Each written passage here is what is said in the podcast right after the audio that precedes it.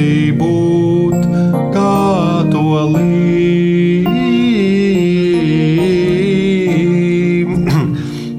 no jauna, no jauna, visu no jauna.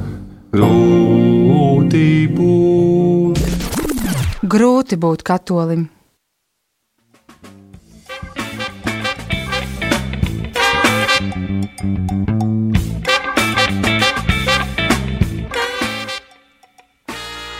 Jā, tev blakus ir katoļi, mīļais katoļi, ir daudz dievbijīgu cilvēku. Viņiem tā ticēšana liekas, ka ļoti labi izdodas. Viņiem citreiz liekas, tāda dievbijīga lūkšana ļoti labi izdodas. Slavēšana viņam arī ļoti labi izdodas, bet kā tev pašam gadās, ka pats jūties mazliet muļķīgs vai neveikls savās darbībās, it kā jau liekas viss kārtībā, diezgan labi var darīt līdzi to, ko pārējie, bet tomēr, tomēr pārliecības dažreiz īsti nav. Tādos brīžos mēs teikt grūti būt katolim, grūti būt kristietim kopumā, un mani sauc Viesturs Vizulis, arī man tā bieži gadās, tāpēc labprāt moderēju raidījumu grūti būt katolim, un šodienas klausītāju pretrunīgo eseju mums atkal komentēs mūsu pastāvīgais eksperts, priesteris Rigards Rasnacis. Sveicināti visi klausītāji! Tieši tā, un kāds nepastāvīgs eksperts arī mums šodien pieaicināts, pēc tam sapratīsiet, kāpēc. Arī radio Marija Latvija balss un uh, mūziķis uh, sirdī un savās profesionālajās prasmēs uh, Māris Veliks. Sveicināti klausītāji, sveicināts viestur. Jā, prieks Māri tevi dzirdēt. Es ceru, ka tātad, ja kādam Māra balss jau ir apnikusi, pacietieties. Šodien mēs runāsim par savu izdinoši nepierasāku tēmu. Būs vērts ar viņu šeit pakavēties. Klausamies šodienas esēju, un tad jau arī mēģināsim saprast, kā palīdzēt mūsu kādam mūsu klausītājam viņa kristīgās dzīves pretrunās.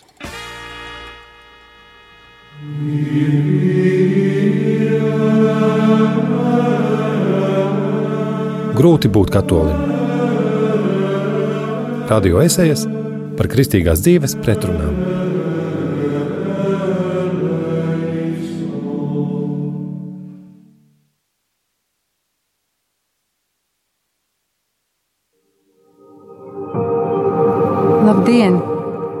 Centīšos rakstīt godīgi un atklāti.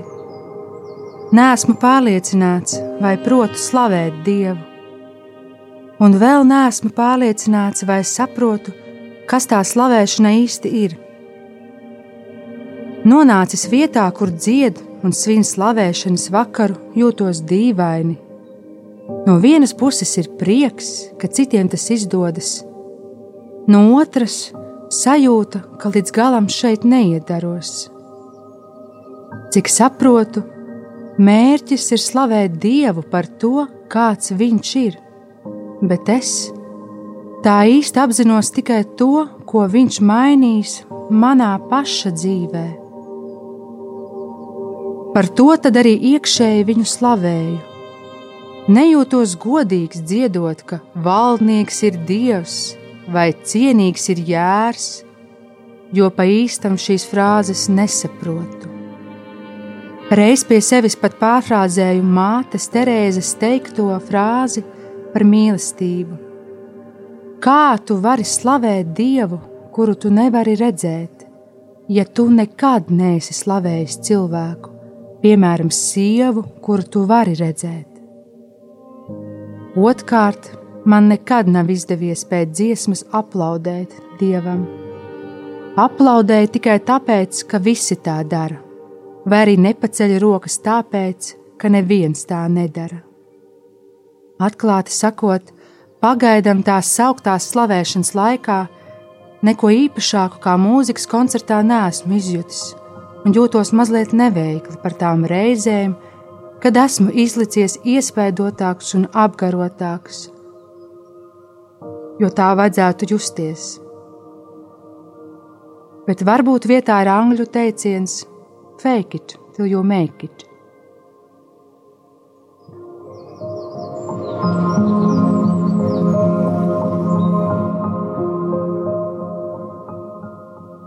Grūti būt katolim.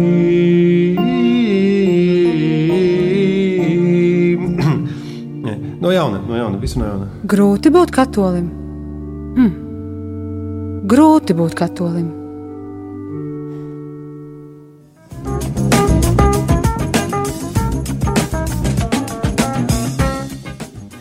Jā, varbūt mazliet pārāk domīgā balsī.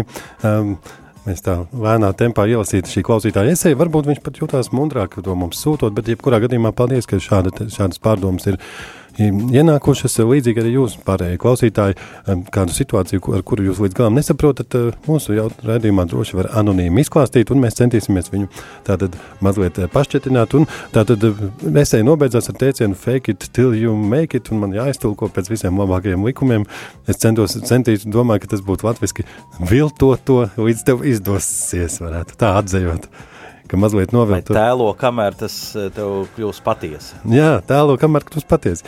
Interesanti doma, bet uh, sākās jau viss ar jautājumu, kas tā slavēšana īsti tāda ir. Un tad jau sapratīsim, jā, vai šis redzējums vispār attiecas uz, uz tēmu grūti būt katolim vai vienkārši grūti būt kristietim. Tātad, ko mēs kristīgajā pasaulē saprotam ar slavēšanu, kas tā tāda kārtīga slavēšana ir un kādai viņai būtu jābūt?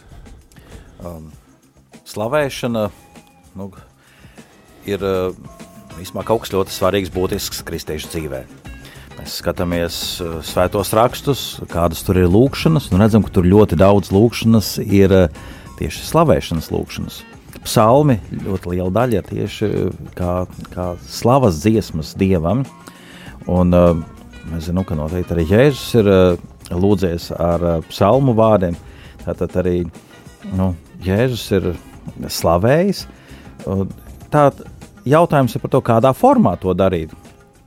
Vai tieši tāpatās, kā to darīja ķēniņš Dāvids, vai darīt to tāpat, kā to darīja Jēzus, vai kā to darīja kāda Jēzus laika biedra sinagogā, vai to darīt kā pirms uh, tūkstotis gadiem, vai tādu slavēt ar gregoriskiem dziedājumiem, vai slavēt ar moderno mūziku. Uh, Tas būtu jautājums, kur droši vien mēs nevaram atrisināt, bet svarīgi vispār, lai būtu slavēšana. Jā, pateiksim kādu piemēru no psalmu vārdiem, ja var slavēt, nu nezinu, man nāk prātā, teica mana dvēseli kungu, un viss, kas ir manī, lai teica viņa svēto vārdu, tas skaitītos pie slavēšanas. Jā, jā vai viss tautas plaukšaniet rokām, jā, tas tā būtu. Jā, tad tas no psalmiem ir visas tautas plaukšaniet rokām, to nav sacerējis vienkārši kāds mūziķis. Jā, bet uh, arī mūsdienās daudz mūziķi ņem par pamatu uh, kādu frāzi no svētiem rakstiem un to eh, vai nu vienu pašu, vai pieliek klāt vēl kādus eh, šos vārdus, savus vārdus, un tad sanāk arī slavēšanas lūkšana, kas bieži vien izpaužās arī dziesmā. Jā, bet eh, runājot uzreiz, ja jau pie tā ķērāmies dažādi mū, mūzikas stili, kādos veidi, kā var slavēt, tad jau, cik saprotams, arī mūzika pat nemaz nebūtu obligāta, vai ne? Jā, mēs varam slavēt Dievu arī bez mūzikas, bet uh, tas, tas, ko mēs biežāk mūsdienās saprotam ar vārdu slavēšanu, tā ir uh, tāda um, dieva slavēšana, dziedot uh, modernas mūzikas uh, taisnība, taisnība. ritmos vai pavadījumā. Bet, ja tā vietā varbūt arī pajautāt, mūsdienās mēs saprotam, tas jau nemaina būtību, ka tas ietilpst tajā arī pirmajā šī vārda nozīmē. Tad tie taču nav divi dažādi jēdzieni. Slavēšana kā dieva slavēšana kā jūs teicāt, kā Jēzus to darīja, vai Dāvids, un slavēšana modernās mūzikas pavadībā, teorētiski, jo viņi ir, ir viena un tā paša. Uh, Būtība tāpat, nu, ja mēs uh, atkal atsaucamies uz to esejas tekstu, ko dzirdējām, nu, tur uh, tas ir vairāk nu, grūtības tieši ar šo jā, jā, muzikāli. mūsdienu slavēšanas uh, formu, un, uh, kuram tā jā. ir nu, viegli pieņemama un kurš var viegli tajā iekļauties, kurš nē. Taisnība gan, un par laimi, tāpēc jau, draugi, mēs pieteicām Māri Veliku kā šīs dienas ekspertu, jo viņš cita starpā taču ir, nevis cita starpā, bet slavēšanas vadītājs bieži vien, kā daži dieni saka, tieši šādas ar mūziku. Parasti viņam rokās tādos gadījumos ir ģitāra, varbūt vēl kāds kolēģis. Un uz ko būtu jāved tādai muzikālajai slavēšanai? Uz ko būtu jāved šādai muzikālajai slavēšanai? Manuprāt, te vēl joprojām atbildot uz šo jautājumu, būtu vērts pakavēties pie tevis pirmā uzdotā jautājuma, kas tad tā slavēšana ir, un man šeit arī līdzi ir paņemts uz studiju katoliskās baznīcas katehisms, ne. un uh, es domāju, ka ieklausoties tajā atbildē, kā baznīca definē slavēšanu vai slavināšanas lūkšanu, kā vienu no lūkšanas veidiem arī lielā mērā atbildu šo otro jautājumu, uz ko tad slavēšanas vadītājam ir jāved, un tad nu katoliskās baznīcas katehisma 2639. paragrāfs skan tā, ka Šeit ir lietots šis vārds slavināšana, bet nu, tas tas pats, ko mēs šobrīd apzīmējam kā slavēšanu. Tātad slavēšana ir lūkšanas veids, kas vistiekš, vistiešāk pauž to, ka Dievs ir Dievs. Tā dzied godības dziesmas viņa paša dēļ. Ne tikai par to, ko viņš ir darījis, bet vienkārši tāpēc, ka viņš ir. Tad, nu, ja lūkšanas vadītājs ar dziesmām, kuras viņš uh, izpilda ģitāras vai sintezatora vai kāda cita mūzikas instrumenta pavadījumā, ja tas palīdz cilvēkam uz brīdi savu, ja tā var teikt, sirds skatienu novērst no tām ikdienas lietām, no dažādām citām domām, bet ļaut eh, domāt par Dievu, ļaut eh, ticības acīm, ja tā var teikt, redzēt Dievu, redzēt viņu kā vislielāko vērtību, to apjaust un to izteikt dziesmās, tad, manuprāt, tas slavēšanas mērķis jau ir sasniegts. Jā, um, izteikt to dziesmā, un um, tātad par Dievu, Dievs ir Dievs, bet dažreiz, kad ja, ja cilvēks to līdz galam Es pats varētu teikt, to jau līdz galam nekad nevarēju saprast. Un, ja, ja viņš eh, šo frāzi izdziedza īsti nesaprastams un nejūtams, nu, tas jau kā, nu, kā viņš teiks, skaidrs, ka Dievs ir Dievs. Kas tad es tāds esmu? to, eh, teiksim, es, man atmiņā nāk tā frāze, kas te bija teikt arī cienīgs ir jērs, vai kas tad es tāds esmu, kas noteiks, vai viņš ir vai nav slavas cienīgs vai kādreiz dzien. Uh, nu, kā, kā, kā vadītājs var palīdzēt mūsu dvēselē, tad nonākt varbūt pie tādas dieva apliecināšanas. Jā, man ļoti patika, kā klausītājs šajā esejā saka, ka nu, nespēja no sirds dziedāt par dievu, kā, manuprāt, tur bija valdnieks minēts, jā, un tu jau minēji arī. Cienīgs ir jērs. Jā, cienīgs ir jērs. Un, manuprāt, šī atziņa ir ārkārtīgi laba. Kāpēc? Tāpēc, ka tā nostāda mūsu atziņas priekšā, ka uh, ka mēs esam izaugsmes procesā, un tas ir normāli. Mēs ik viens esam, protams, bezgalīgā, neizsmeļamā dieva priekšā, mēs visi esam pirmklasnieki, bet, lai neapstājamies pie pie šīs tādas kapitulācijas sajūtas, ka, nu, ja jau es par Dievu neko nezinu, nu, tad, tad viss ir bezcerīgi. Man ļoti patīk tās rakstu vietas svētajos rakstos, kur ir runāts par Dieva meklēšanu, piemēram, lai priecājas visu to sirdis, kas ir Dieva meklētāji. Pirmā kroniku vai laiku grāmata 16. nodaļa, Proti, kristīgā dzīve ir tāda nemitīga dieva meklēšana, kur dievu mēs iepazīstam vairāk un cerams, ka tā mūsu dzīves trajektorija tāda ir, ka pēc gada mēs, lai Dievs dod, ka mēs Dievu iepazītu un zinātu un mīlētu vairāk nekā mēs viņu pazīstam šobrīd. Un tā pazīšana, jā, tur ir dažādi aspekti. Tur ir gan šis akadēmiskais vai intelektuālais aspekts, jo iedziļino, iedziļinoties baznīcas mācībā vai svētajos rakstos, mēs kaut ko varam vairāk uzzināt par dieva īpašībām vai attribūtiem, bet ir arī šis mistiskais vai kontemplatīvais aspekts, proti, dievu mēs varam arī piedzīvot, ja tā var teikt, sajust. Kā svētā Avilas Terēze teica, man nav jāpierāda, ka Dievs ir, es viņu esmu satikusi. Tas ir kaut kas tāds, ko vārdos nevar izteikt, bet vienkārši tu zini, ka tu Dievu esi saticis. jā. Nu, jā, tas, ko tikko Māris teica, ka lai slavētu, tātad ir jāmeklē Dievu un ir jāpazīst. Un eh, te varētu būt problēma, ka mēs to savu ticību nu, neesam kārtīgi iz, teiksim, izkopuši, un tāpēc mums ir problēmas ar slavēšanu. Jo mēs to Dievu tik labi nepazīstam, un tāpēc mēs vēl neesam eh, nu, gatavi no visas sirds atdot viņam godu un slavēt. Jo ir svarīgi, vai mēs nu, tajā jomā, sfērā orientējamies. Es varu padalīties, kāda man bija nu, tāda iespaidi no hokeja spēles. es savā mūžā tikai vienu reizi biju uz hokeja spēli. Arēnā, jā, jā. Arēnā Rīga, jo es vēl kalpoju Madonas draudzē. Mums uh, bija um, izdomājuši, ka nu, tēvi ar dēliem uh, noīrējām lielu autobusu un tad braucām uz hokeju. Nu, ne, es arī braucu kopā ar draugus tēviem un dēliem, uh, braucu viņiem līdzi. Un, uh, Visi bija daudz lielāki lietpratēji par hokeju, hokeju jautājumos nekā es. Es atzīšos, es nesekoju līdzi. Es īsti nezinu nevienam hokeistam vārdu.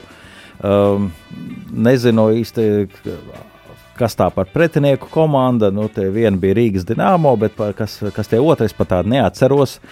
Un, uh, Un es zinu, ka man, man visu laiku vajadzēja skatīties, ko dara pārējie. Kad tur viņi pieliec kājās un kaut ko tur uh, uzgavilē vai, vai tur uh, kaut ko izbļauj. Uh, atzīšos, ka es jūtos diezgan nērti vai nekomfortabli, jo es īsti neorientējos tajā pasaulē. Taisnība gan, jo komentētājs arēnā nerunā. Kā, kā televīzijā, piemēram. Un, uh, Un, lūk, tas varētu būt kaut kas līdzīgs, kā, kā šeit saka, ir grūti iejusties slavēšanā. Varbūt viens no šiem iemesliem ir tas, ka īsti neorientējās ticības jautājumos, īsti līdz galam nepazīst Dievu. Un, tad, un ja arī tev vēl nav personīgas attiecības ar Dievu, tad, jā, tad varētu būt nu, grūti. Un tur tas bija šie vārdi, ja es, ka valdnieks ir Dievs, vai to var no sirds tā pateikt. Jā, starp citu, Mārija, atļaušos tev vēlreiz palūgt, vai tu varētu vēlreiz nolasīt to slavēšanas, nu, to, to jauko definīciju? Ja nu gadījumā mums ir tāds izskaidrojošs rādījums, vai jau tad viņa izskan vēlreiz? Jā, meklējiet katoliskās baznīcas katehismā, tas ir 2639. paragrāfs. Slavināšana ir lūkšanas veids, kas vistiešāk pauž to, ka Dievs ir Dievs. Tā dzied godības dziesmas viņa paša dēļ, ne tikai par to, ko viņš ir darījis, bet vienkārši tāpēc, ka viņš ir. Jā. Lūk, tā ļoti skaista definīcija, un ļoti labi viņa sasauktos ar klausītāju tādu nākamo jautājumu, kā viņš teica, kā es varu slavēt Dievu, kuru es neesmu redzējis, ja es neesmu nekad tā īsti slavējis, varbūt kādus cilvēkus, ko es esmu redzējis, vai vispār drīkstāt vilkt paralēlās ar šo vārdu slavēšanu, ar to, kā mēs viņu saprotam pasaulīgajā ikdienā, ka mēs slavējam.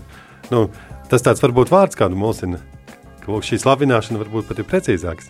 Tad, kad mēs sakām slavēšanu, ko, vai mums ir kā, kā kāds objekts, ko mēs vispār tā ikdienā slavējam, es tā sāku domāt. Jo, nu, tādā kristīgā izpratnē slavēšana ir arī pielūgsme. Uh, un tas jā, nozīmē pateikt, ka Dievs ir Dievs. Un attiecībā pret cilvēkiem, nu, mēs varam tikai pateikt, ka cilvēks ir cilvēks, bet mēs nu, nevaram dot cilvēkam uh, nu, jā. dieva godu. Nē, nē, mēs varam paslavēt, ka malacis viņš teiksim, ir iztīrījis virtuvi. Tādā ziņā mēs cilvēciski skaidrojam vārdu slavēšanu, bet uh, nu, tādā ziņā tas nekad neiet kopā. Nu, jā, var, var pateikt, nu, nu, malacis sev tas, tas izdevies nu, izteikt kādu komplimentu. Jā, slavēšanu arī varam uh, saukt, ka, mēs izsakām komplimentus dievam, bet tie ir pamatoti, jo dzīvē mēs reizēm nu, izsakām kādu komplimentu, nu, tīri tā, lai uzmundrināt otru, un tas, tas nevienmēr atbilst uh, nu, patiesībai. Jā. Bet, uh, bet attiecībā uz Dievu mēs visu labo sakot, uh, nekļūdīsimies, jo nu, tas nebūs nekad pārspīlēti. Jā, nu skaidrs. Tātad tā šī jēdziena spēle šoreiz, mīļo klausītāji, īsti nestrādā. Mēs nevaram salīdzināt to pielūgsmes un slavināšanas formātu, to slavēšanu, kā mēs paslavējam savu kaķi, kurš ir veicis labu lēcienu, labi dresēts. Jā, jā. Tādu pārpratumu mums nebūtu, bet par to pašu slavēšanas notikumu. Tātad daudz zinās pirms kādiem citiem kristīgiem konferencēm, lekcijām vai, vai kādu pirms lūkšanu vakariem tagad sākas tā saucamā slavēšana, un cilvēks pieņemsim, ka viņš ir sešos vakarā, varbūt pēc darba tikko atnācis. Un nu tik, dzied, nu, atvainojiet, nu tik dziedās, vai ne? Jo nu, tad pašam bija tāda sākotnēji iesācēja pieredze, ka tā likās ļoti izbrīnoši, ka pusseptiņos pēc darba e, dzīvības traumēs e, konkrēti, nu, tas nav nekāds noslēpums. Man sākotnēji bija tā pārsteidzoši, ka tur atnāk kāds ar, ar ģitāru, Un tagad visi jau tā jautri dziedās, bet ne jau par to. Jautājums par to, vai tāda, tas pacelājums, vai viņu tad drīkst tā mākslīgi mazliet kultivēt, ja blakus tur redz, kā viss tādi pacelāti ir, kā teica šeit, fake it till you make it. Ja redzēju, nu, es jau jūtu, ka šeit fakts jautājums ir par to formu, vai, lūk, vai nebūtu tā, ka vieglāk, ka es aizēju vakarā un klusītiņām pasaku, un Dievs, tu esi ļoti labs, kāpēc man to noteikti jādzied. Um, Un, ja jādzied, tad eh, kāpēc tieši pie šāda mūzikas stila? Stila var būt eh, nu, dažādi, daudz, bet eh, kāpēc vajadzīgs tieši tāds moderns mūzikas izpildījums? Nu, ja mēs gribam uzrunāt cilvēku, mums jārunā tajā valodā, kādā viņš to saprot. Un, uh, es Alfa kursu sakarā ļoti bieži esmu mācībās, to, apmācībās teicis, kādu slavēšanas mūziku izvēlēties. Un kāpēc izvēlēties tieši tādu modernu? Um, lai gan, piemēram, katoļu baznīcā tas biežāk tomēr ir nu, klasiskāki šie mūzikas stili. Tad, uh, nu, tāpēc, ka ja cilvēks klausās radio, tad uh, nu, mēs varam uztaisīt statistiku, kāda stila mūziku cilvēki izvēlās. bieži vien auditorijā pajautāju, kā, kādu rādio jūs klausaties. Un, um, teikšu atklāt, klasisko radio, radio klasika ļoti mazs procents klausās. Un tad, ja es vēlos uh, nu, ievadīt kristīgajā dzīvē, uh, kādu cilvēku arī tajā kristīgajā slavēšanā, tad varbūt tās man ir labāk piedāvāt tādu formu, kas viņam būs saprotama. Un tad, tad būs iespējams arī saprast šo saturu, jo nepietiek ar saturu vien, vajag arī tā, lai forma būtu pieņemama. Jā, jā. Pa, varētu pateikt, nevis eksotiska, bet pazīstam, pazīstam to var saprast. Tomēr, ko jūs gribējāt piebilst?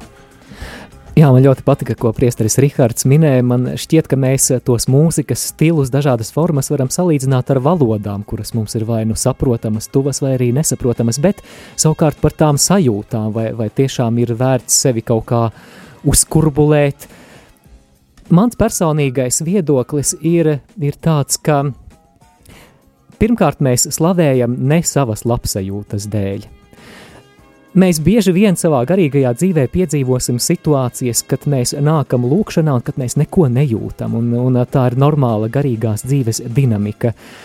Reizēm varbūt pat mums ir grūti piespiest sevi slavēt, un tomēr mēs izdarām šo lēmumu. Un, manuprāt, šis lēmums, šī apņemšanās, ka tas, ko es tagad darīšu, es veltīšu laiku kopā ar brāļiem un māsām, lai atdotu godu Dievam. Atkal atgriežamies pie šīs definīcijas Katoliskās baznīcas katehismā. Tātad mans lēmums ir, ka šo laiku, šīs dziesmas, savu balsi, savus žestus es veltīšu viņa godam, atzīstot, ka viņš ir centrālā persona visā visumā. Šajā procesā bieži vien patiešām Dievs dāvās iepriecinājumus, patiešām Dievs var dāvāt eh, to sajūtu, ka jā, šeit viņš ir klātesošs, tu piedzīvo viņa mīlestību, bet bieži vien tas būs pilnīgā sausumā, un no tāda nav jābaidās, jo man nāk prātā kāda rakstu vieta no vēstules ebrejiem 13. nodaļas, kur ir runāts par slavas upuri. Un ja mēs domājam par upuriem, tad nu, upuris parasti ir kaut kas grūts, kaut kas nepatīkams, un reizēm arī šī mūsu apņemšanās, tas neatiecās tikai uz slavēšanu, tā var būt gan slavēšana vai jebkurš kurš cits lūkšanas veids, mēs to pienesam kā upuri, atzīstot šo dieva prioritāti. Un vēl tikai vēlējos padalīties par šo sajūtu tēmu. Reiz sen Jēkaba katedrāles jauniešu vakarā es vadīju slavēšanu, un man likās, nu, tik draņķīga slavēšana. Nu, neiet kaut kā, nu, grū, grūti dziedāt, un, un liekas, ka nu, tā tāds stulbenis stāvi ar ģitāru, vienkārši pilnīgs sausums, no darba esi atskrējis, nevar pārslēgties. Vēlāk pēc šīs slavēšanas kāda meitene pienāk man klāt un gandrīz vai asarainām acīm saka, ka paldies par slavēšanu, ka tas bija pilnīgs balzāms viņas dvēselē, ka Dievs pieskārās. Un līdz ar to, jā, mūsu tā sajūtas ir kaut kas tāds ļoti subjektīvs, mēs pēc tā nedrīkstam izvērtēt mūsu lūkšanas kvalitāti. Jā, nu, ko draugi, izvērtēsim, jā, kā lūkšanas kvalitāti pēc dziesmas pauzes, kāpēc dažreiz Māra minētajām varbūt meitenēm liekas, meitenēm liekas, ka izdodas labāk, piemēram, tāda slavēšana, un vēl kā, kādus citus jautājumus, e, man droši vien neviens nevar aizliegt nosaukt izziņas numuru. Gadījumā, ja kādam klausītājam e, kāds labs jautājums, visērtāk būtu izziņā 266, 77, 272. Ir tātad studijas eh, telefons 266, 772, 72. Ja es iemanītos arī, varbūt pacelt arī eh, mūsu tālruņa klausuli 679, 69, 131, ko klausītāji jau daudzi zina eh, no galvas. Un šobrīd jāskan būtu slavēšanas, slavēšanas kādai mūzikai piemērotai, vai ne?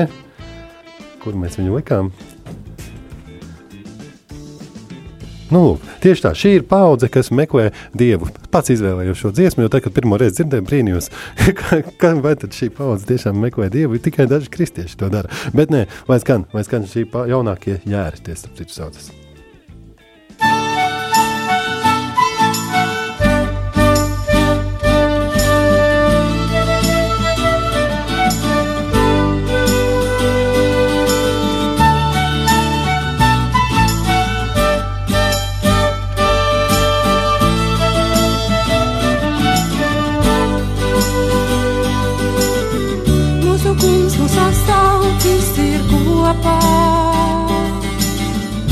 aicinājis mīlestībā mūs.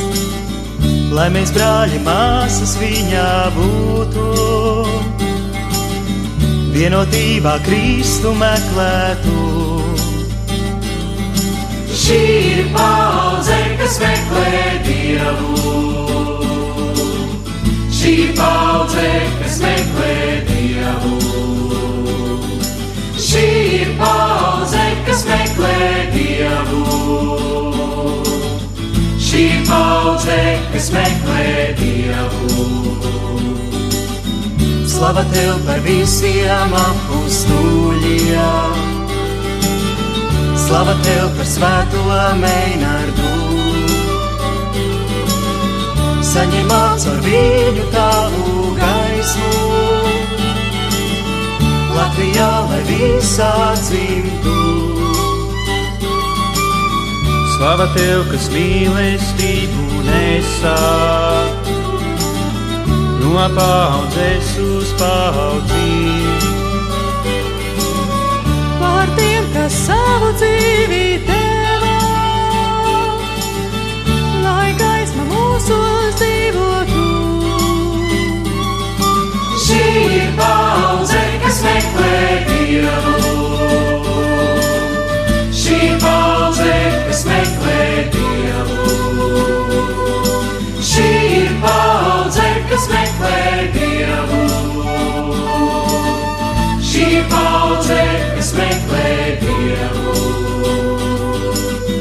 Dāvasim viens otram Kristus mieru, dāvasim ikvienam cerību. Agonā pie mātes Marijas, saliksim visas lūkšanās. Sveicam tādu visa radītāju, Jēzu Kristu mūsu pestītāju, Svēto garu dzīvinātāju, Svēto trīsvienību mūžīgo. Šī ir paudze, kas meklē Dievu. Šī paudze, kas meklē Dievu. Šī ir paudze, kas meklē Dievu. Šī paudze, kas meklē Dievu.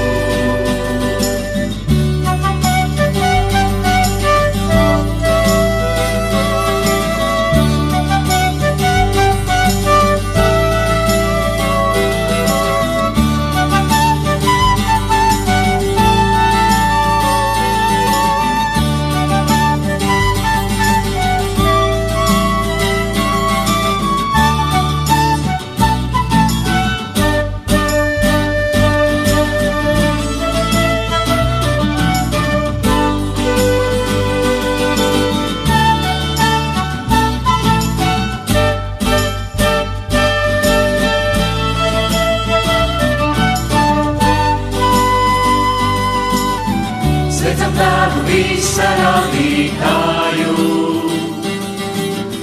Jēzu Kristu mūsu pestītāju, Svēto garu dzīvinātāju, Svēto trīsvienību mūžīgo. Šī ir paudze, kas meklē Dievu. Paudze, kas meklē Dievu. Šī ir paudze, kas meklē Dievu. Šī ir paudze, kas meklē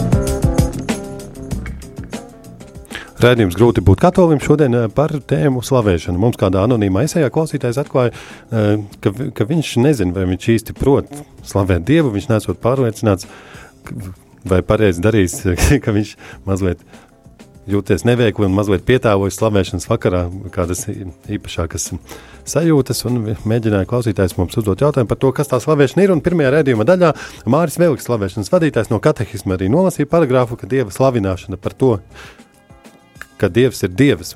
Tā, tā bija tāda slavināšanas pamatdefinīcija, ko tikko jau saīsināju, mazliet primitivizēju. Un arī priesteris Rihards eh, Rasnacis eh, sacīja, ka, ka slavināšana un slavēšana var teorētiski būt dažādos mūzikas stilos, dažādos veidos, bet nu, šodien mēs runājam par to modern, modernās mūzikas pavadībā tādu slavēšanu, kad visi mūs aicina, kurš būs slavēšanas vakars, visi sanāksim. Un dažreiz liekas, ka kā katolim uz to skatīties, kāds teiks, ka e, tādi vakari varbūt vēsturiski arī protestantiem biežāk bijuši, un ka visi atnāk it kā, nu, ka tagad kaut kas būs tajā slavēšanas rezultātā, kaut kas tāds kaut kas tāds īpaši garīgs varbūt izdosies. Tas tā varbūt netiek vārdos teikts, bet kādreiz tāda sajūta var rasties. Kā mums eh, būtu prātīgi skatīties vispār, kad mēs dodamies tādā uz slavēšanas pasākumu? Uh, es domāju, tas ir labi kaut ko gaidīt garīgu. Un vai tas ir slavēšanas vakars, uh, vai tas ir rožgoņa pulciņa tikšanās, vai svētā mise, uh, vai kopējas vesperes, eh, nu, ka mēs kaut ko labu sagaidām. Tad mēs esam noskaņojuši sevi uz tā, nu, dieva piedzīvošanu. Un, tāpēc es domāju, ka tas ir nu, labi noskaņoties jau uz to. Jā, un piemēram, kad mēs redzam, ka kāds uh, tajā slavēšanas vakarā, piemēram, tā kā drusciņš sāk dejot, vai kaut kā ar rokām interesanti kustēties, vai visi, visi aplaudē, bet tev negribas. Eh, kā šajā situācijā, teiksim, cilvēks jau bieži varbūt aizmirst iekšēji domāt par Dievu, bet domā, kā viņš varētu izskatīties, ja viņš arī kaut kā līdzi darbotos. Protams, ka tur jāņem vērā dažādi aspekti, gan vispār cilvēka temperaments. Un tā ir, ka cits nu, nav gatavs nu, uz kaut kādām tādām ārā, ārējām, ekspresīvām izpausmēm. Un viņš saka, nē, nē, es gribu nu, labāk paskatīties. Un latviešiem tas citu, ir raksturīgi, ka viņi labāk grib būt vērotāji. Um, un, bet viņam tur patīk tik un tā. Jā, jā. Es labprāt aiziešu, es paskatīšos, kā citi tur lec uh, gaisā un aplaudē un paceltām rokām lūdzās. Un, uh, bet uh, es nē. Un, uh, un tas būs kaut kāds brīdis, kad uh, pateiks, es arī gribu tajā pašā būt. Un, laikam ir jārespektē tas nu, cilvēka temperaments un uh, arī tas pakāpeniskums, lai viņš var nu, to iepazīt. Uh, un, protams, ja tā ir kaut kāda slēgta grupa, uh, tad tur arī skatās to nu, dinamiku, proti, nu, arī kādas dziesmas tiek izvēlētas, lai nu, tie klausītāji varētu to nu, uztvert, eh, saprast. Piemēram, par alfa kursu mēs eh, nu, vienmēr to atgādinām, ka nu, sākumā, kamēr um, nu, viņi vēl nav iepazinušies ar nu, daudziem svarīgiem ticības jautājumiem, tad uh, nelikt uh, nu, tādus sarežģītus uh, tekstus tajās slavēšanas dziesmās, nu, vai citiem vārdiem, sakiem, va, citiem vārdiem sakot, nelikt tādas dziesmas, zem kuru vārdiem arī tas klausītājs var parakstīties. Piemēram, savu dzīvi tev atdodu, vai uz ceļiem krītu tavā priekšā. Un tad tāds cilvēks, kuram vēl nav ticis, viņš saka, nē, es taču nekritīšu nevienu priekšā uz ceļiem, vai es nevienam negribu atdot savu dzīvi. Un tad ir jāstāsta nu, tā, tāds pakāpeniskums arī tajā saturā, lai būtu. Un, jā, ja tu aiziet tāds nesagatavots uz kādu lūkšanas apulci, kur uh, tie cilvēki jau ļoti labi pazīst Jēzu un uh, viņi dzied par, par Jēzus asinīm, uh, kurās mēs esam šķīstīti, tad, protams, tas var izlikties nedaudz dīvaini. Un tad nu, jāskatās, uh, kas tas ir pa pasākumu. Un, jā, arī svētajā misē, kurš katrs var uh, nu, uzreiz iejusties. Un, lai gan es domāju, mums tā liturģija ir tieši domāta, lai tur nebūtu tādu pārāk lielu nu, ārēju zīmi, kuras būtu grūti nu, teiks, nokopēt. Un citreiz saka, tu aizies uz baznīcu un dari to, ko visi. Ja, viss piecēlās, nu, tu arī piecēlies, nu, viss uz ceļiem, nu, tu arī uz ceļiem. Jā, un citiem ir grūti uz ceļiem. Saka, es negribu ne, mesties uz ceļiem, kāpēc? Jā, jā bet tas, tātad slavēšanā mēs pat varētu tā, ja kāds Ko izdarīt? Starp citu, jā, Mārija, kā slavēšanas vadītājiem, mūsu Mārim Velikam pajautāsim atkal. Um, varbūt tev nāk prātā uzreiz tāda, nezinu, tāda kāda negaidīta slavēšanas izpausme, kad kāds ir kādu akrobātisku kustību kaut kā negaidīti izdarījis. Vai dabiski, vai tieši otrādi, varbūt kāds specifiski kaut kā pietāvojas, tu, tu jau ļoti labi redzi tos ticīgos tajā brīdī. Man ļoti patika tas, ko priesteris Rihards minēja, ka mums ir dažādi temperamenti, mums ir dažādas mentalitātes. Patiešām mums, latviešiem, nav uzreiz pirmajā mirklī viegli atvērties tā, lai mēs celtu rokas augšā un, un aplaudētu. Un tā, bet uh, man šķiet, uh, ka te ir runa par to, cik, uh, cik drošu kopienas vidi vai draudzes vidi mēs radām, ja mēs patiešām ļaujam sajusties cilvēkam, ka viņš ir brīvs darīt tā, kā viņš vēlas, un, un ka viņš ir aicināts arī respektēt to, ko dara brālis vai māsa, tad, manuprāt, viss ir kārtībā, nekas nav jākopē, noteikti, noteikti tam nevajadzētu kļūt par kaut kādam uzvedības vai kustību atdarināšanas pasākumu. Nē, jā, jā. atceramies, kas ir tā slavēšanas galvenā būtība. Atgādini? Atgādini? Uh, jā, uh, nākt pie Dieva, atzīt to, ka Dievs ir Dievs, nākt pie Viņa kā, kā centra. Jā, un te arī tas jautājums, varbūt es pats esmu pasākumu vadītājs, izklaides pasākumu vadītājs, un tas vārds, ko jūs teicāt, atvērties, vai tā drošā vide, kur tā kā atvērties.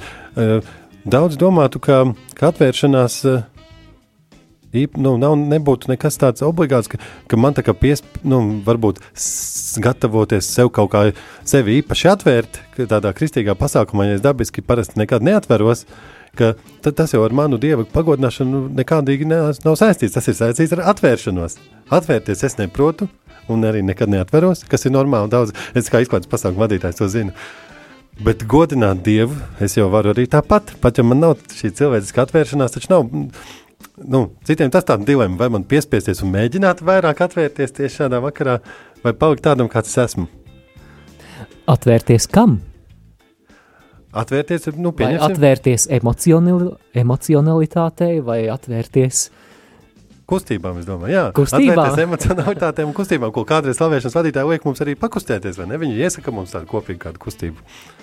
Es domāju, vispār cilvēkam ir, nu, reizēm grūti izrādīt savas emocijas. Un nu, iekļauties kaut kādā nu, darbībā nu, arī ar savām emocijām. Un, uh, es to zinu, ka, kad es sprediķoju, man reizēm ir tā, ka nu, cilvēki ļoti labi saprot to joku, ko es esmu pateicis. Reizēm tu, nu, es pateicu pat kaut kādu kā joku vai anekdoti, bet tā kā tas ir baznīcā, tad uh, cilvēkiem ir aizspriedumi, ne, tā nedrīkst smaidīt. Un viņiem visiem ir tādas nu, savilktas sejas ļoti nopietnas. Un tad es nevaru saprast, vai es esmu aizmirsis pateikt kādu niansi, kuras dēļ tad uh, būtu jāsaprot, ka tas ir joks, vai viņi nav dzirdējuši, vai kas tā paliek. Bet bieži vien tas ir nu, kaut kāds stereotips, kā uzvesties baznīcā.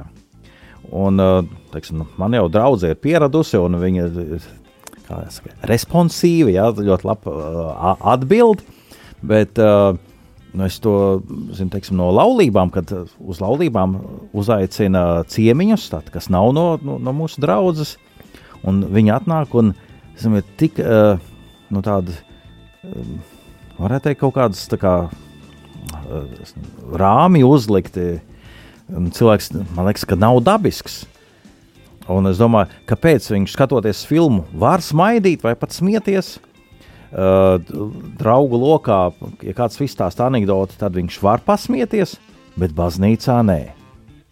Um, tātad, ja mēs varam uh, nu, emocijas likt lietā, kad mēs skatāmies hokeju vai kādu citu sporta spēli, mm, tad, domāju, tas cilvēks var būt emocionāls. Jā, var būt emocionāls hokejā. Mārcis, ko tu gribēji piebilst? Jā, man šķiet, ka ir svarīgi arī apzināties to, ka mēs eh, neesam tikai mentālas būtnes, proti, mums ir ne tikai prāts, ir arī emocijas, arī ar emocijām mēs varam pagodināt Dievu, ka tas nav kaut kas tāds, kas ir izslēgts ārpus Dieva sfēras, kaut kas tāds slepens, bet vēl mums ir arī fiziskais ķermenis, ar kuru mēs varam pagodināt Dievu, un, un manuprāt, tas ie, iegulstās šajā kontekstā, ko tu runāji par šo atvēršanos nu, tādām varbūt ārējām izpausmēm, un te varbūt mums var palīdzēt apjausma par to, ko tad šie žesti nozīmē, piemēram, atvērtu roku pozīcija. Piemēram, tā pauž to, ka es nāku Dieva priekšā gatavībā saņemt. Es, eh, jā. jā, eh, ja es paceļu rokas, eh, tad es vēršu savu sirdi, vēršu savu skatienu uz to, kurš ir augstāks par mani, es izpaužu savas ilgas, es tiecos. Un, jā, varbūt, ja mēs saprotam, ko tas nozīmē, mēs var, klausītājs pat šajā brīdī var pamēģināt tagad vienkārši uh, atvērt savas plaukstas, un, un tu, tu varbūt jau varbūt emocionāli eh, jūties atvērtāks, vai, vai tu vari piedzīvot jā, to, kā, jā, Māris jā. to dara šobrīd, Māris ir atvērts plaukstas šobrīd. Jā, eh, un, un tas ir kaut kas citādāks nekā, ja tagad mēs sakrustotu roku, sa, sakrustotu rokas, arī no. tātad šie mūsu fiziskie eh, žesti arī kaut kādā ziņā ietekmē šo mūsu emocionālo vai mentālo stāvokli. Jā. Nu, lūk, eh, kāds teiks, ka tā jau psiholoģija, ķermeņa valoda, grupu dinamika, ka tādā, kad, kad... Jā, es esmu redzējis, ka cilvēki dod liecību, kad es stāstu, ko Dievs izdarījis viņa dzīvē. Viņš, viņš saka, Dievs mani padarīja brīvu, viņš, Dievs man dod prieku. Do, bet, kad viņš runā par prieku, bet es kāpēc seja ir ļoti drūma?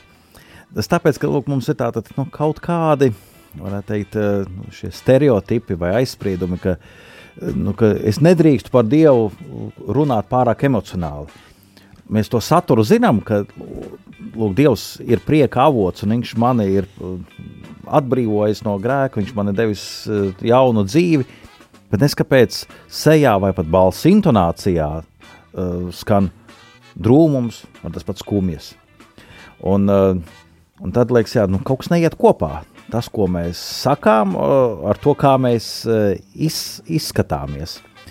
Un, e, lūk, tas, ko tas dažādos slavēšanas vakaros piedāvā, nu, būt autentiskiem, lai tas, ko tu esi īstenībā piedzīvojis, lai tas izpaustos arī uz āru. Un tad, kad tu redzi, ka citi cilvēki jau to ir darījuši, ka viņi jā, tiešām smaida, viņi priecājās, viņi var, pat var skaļi smieties, aha, tā tad es arī drīkstu tā uzvesties. Jo uh, Mums ir tik daudz šīs te, nu, klapītes, ko citi teiks, kā es izskatīšos.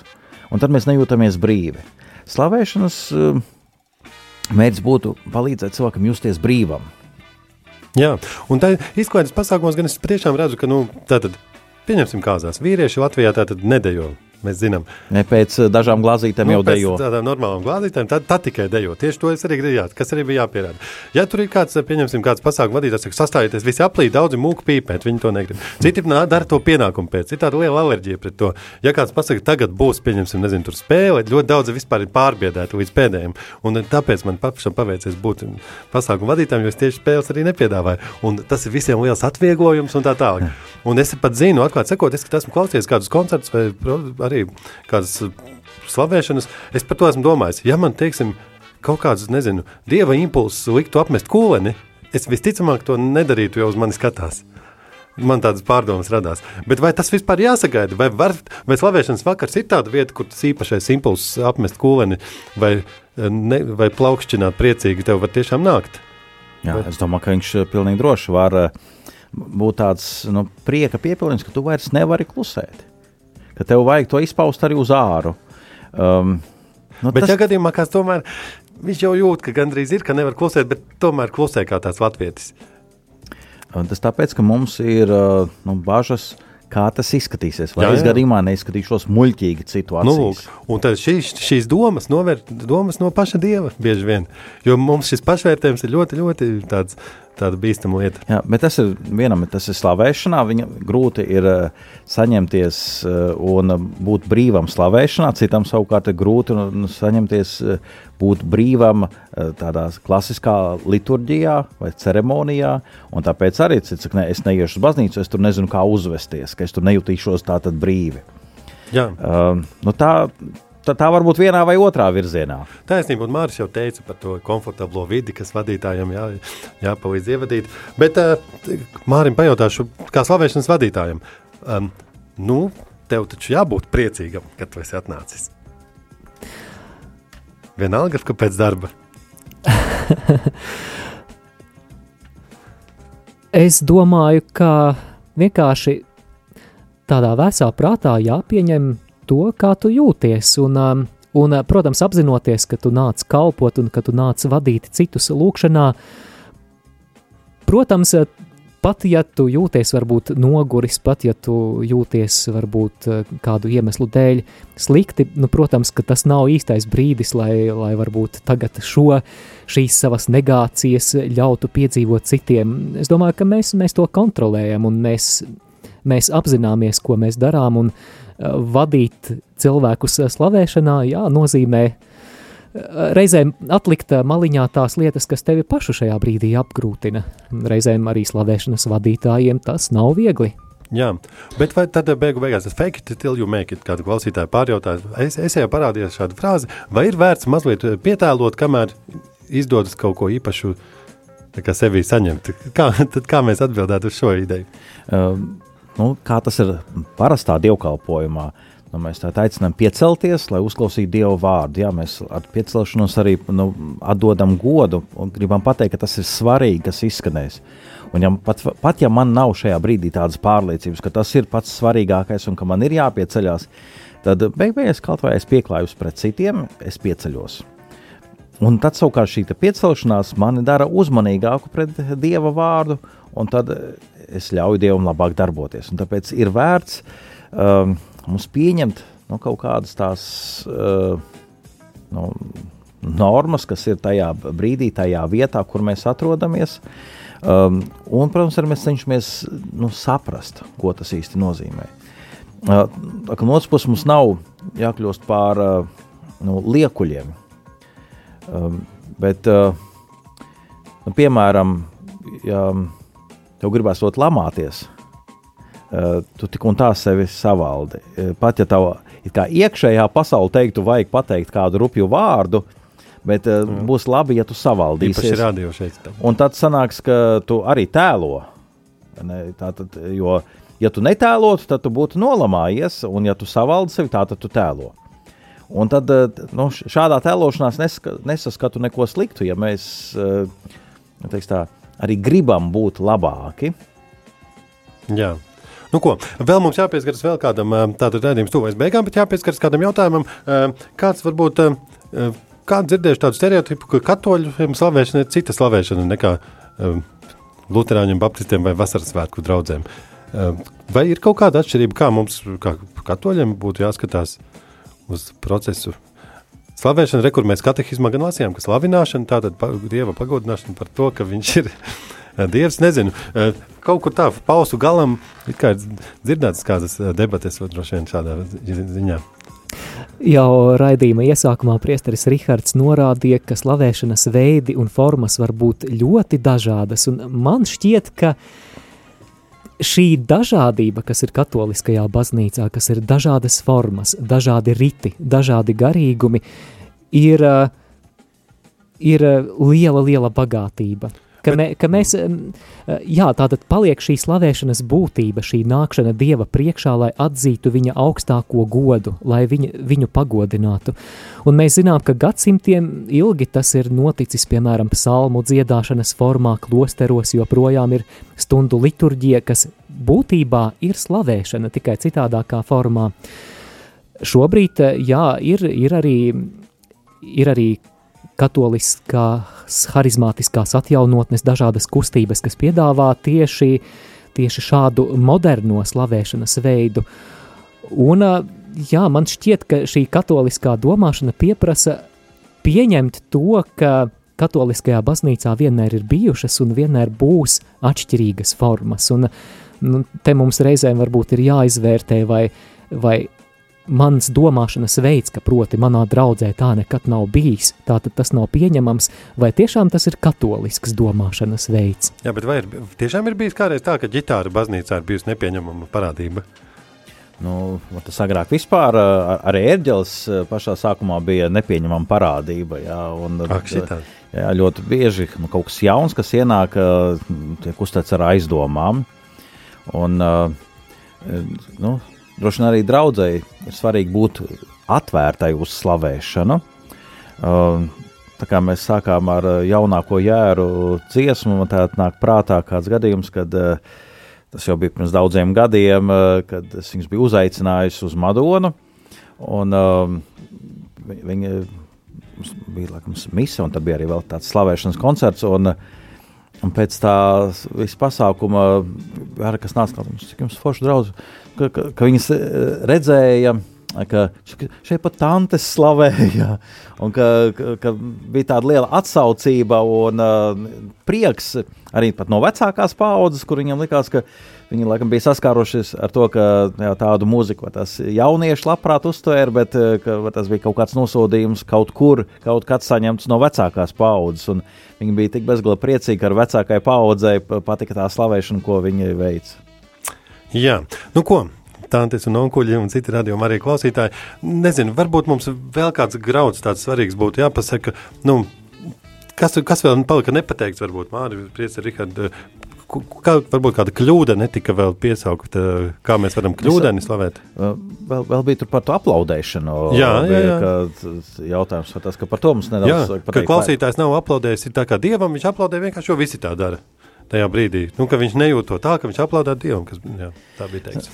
Nu, akal ir, ir brīdis, jā, kad es gribu aplaudēt kopā ar pārējiem, bet citreiz es to nedaru. Un, uh, es domāju, ka mēs varam Dievu pagodināt arī plaukšanot rokas. Nu, ja pat, pat psalms mums to ļauj darīt, tad, uh, protams, ir attiecīgs brīdis. Mums nav paredzēta uh, no šāda liturģiska kāda, um, izpausme svētās misijas laikā. Mums ir noteikts liturģiskās, nu, noteikti liturģiskie žesti, bet uh, esot brīvā slavēšanā, tad mēs varam uh, justies brīvi. Un, ja es gribu pacelt rokas, es ceļu, ja es gribu aplaudēt, es vai situ līdzi teiksim, tai dziesmai, vai nu knipīšus situ, vai es dungoju līdzi, vai es nezinu. Nu, citreiz arī tu vienkārši klausoties mūziku, sēžot un sev pa, pa kājām uh, uzsākt takti līdzi. Nu.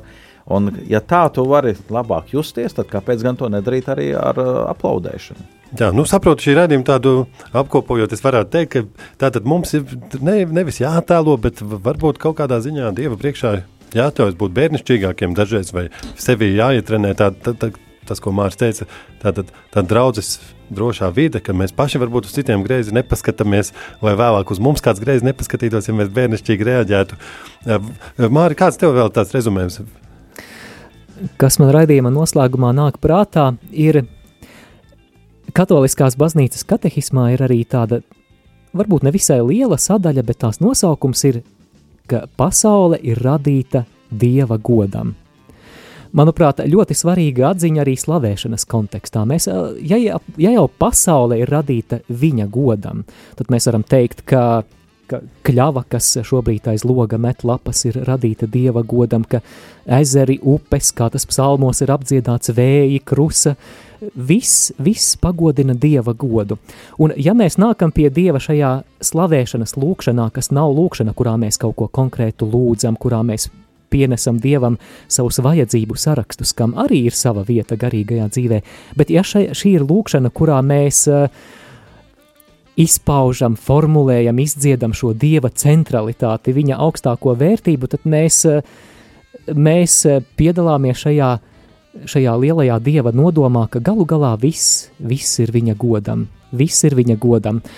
Eh, jā, un, dārgo klausītāji, nebaidies slavēt, meklē varbūt sev pieņemamāko slavēšanas formu, bet tā būs iespēja arī izrauties no, no tās savas iekšējās čaulas, jo mēs tik, tik bieži arī pat Dieva priekšā esam pārņemti ar tām savām vajadzībām, problēmām, bet slavēšana ir tas brīdis, kad mēs esam aicināti uz brītiņu atlikt to visu malā un, un vienkārši palūkoties uz to, kurš ir viskaistākais, visvērtīgākais, visskaistākais, tas, kura priekšā eņģeļiem aizraujas elpa un viņa debesīs sauc svēts, svēts, svēts, un arī Jāņa atklāsmes grāmatā 4. nodaļā mēs lasām, kas tad īsti tur debesu troņa zālē notiek, un tur notiek nemitīga slavēšana.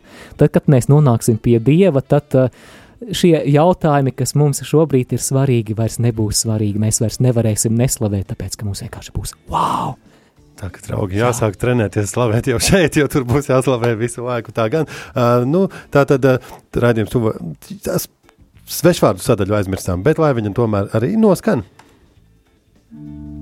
Tavernākls, kontemplācija, transsubstanciācija, ordinācija, absolūcija, nuncijas, beatifikācija, pontifikāts, rarzī, lai ordenis, kapu apmalīšu svētīšana, katuhemēns, novena Pompejas diamātes godam. Hm. Grūti būt katolim, Jā, draugi, visa pasaule ir radīta dieva godam. Teikts, katehismā Māris mums to atgādināja, un krusta radīta dieva godam. Tāpēc droši vien arī sintetizators Yamaha ir radīts savā ziņā arī dieva godam, un mums jācenšas ar vien vairāk dažādus stilus un sevi lietot droši vien dieva godam. Vai, vajadzēja pie tās skaistās nots raidījuma beigt, bet nē, mūsu raidījuma formāts pieprasa izskaidrot kādus interesantus svešvārdu vai terminu. Arī šoreiz priesteris Rikards tādu mums ir sagatavojis. Jā, uh, tikko saskāros ar to vakar. Uh, baznīcā lūdzāmies vesperes, un tur uz lapiņas rakstīts kantors. Kantors. kantors. Un eh, ļoti bieži vai lūkšanas grāmatās vai kādās dziesmu lapiņās varēsiet izlasīt vārdu kantors. Un, uh, liekas, vai tas saistīts ar kantori? Ar, ar kantori 04, jā, ar, jā, ar ofisu, vai ar, vai ar kaut kādu ofisu, kad ir kaut kāds uh, kantora darbs. Uh, un tad jāsaka, nē, ka vārds kantors uh, saistās ar latīņu vārdu kantāre. Tas nozīmē dziedāt. Uh, Un tas ir teiks, tā, vadošais dziedātājs, tas, kurš aizsāk dziedāšanu, tas, tas, kurš arī solo dzied, tātad tas ir kantors. Tas ir kantors, draugi. Jā, tas, kurš aizsāk dziedāšanu, mēs droši vien atbildam pēc tam. Un šis savukārt, kas to mums stāstīja, bija priesteris Rikards Rasnecis no Siguldas Visvētās Jēzus sirds katoļu draugs un uh, slavēšanas vadītājs. Kas un, arī bieži ir kantors, laikam, ja? jā. Nu, tā senāk, laikam. Tieši tā, radio Marija Balsts un slavēšanas vadītājs, radio vadītājs Māris uh, Veliks.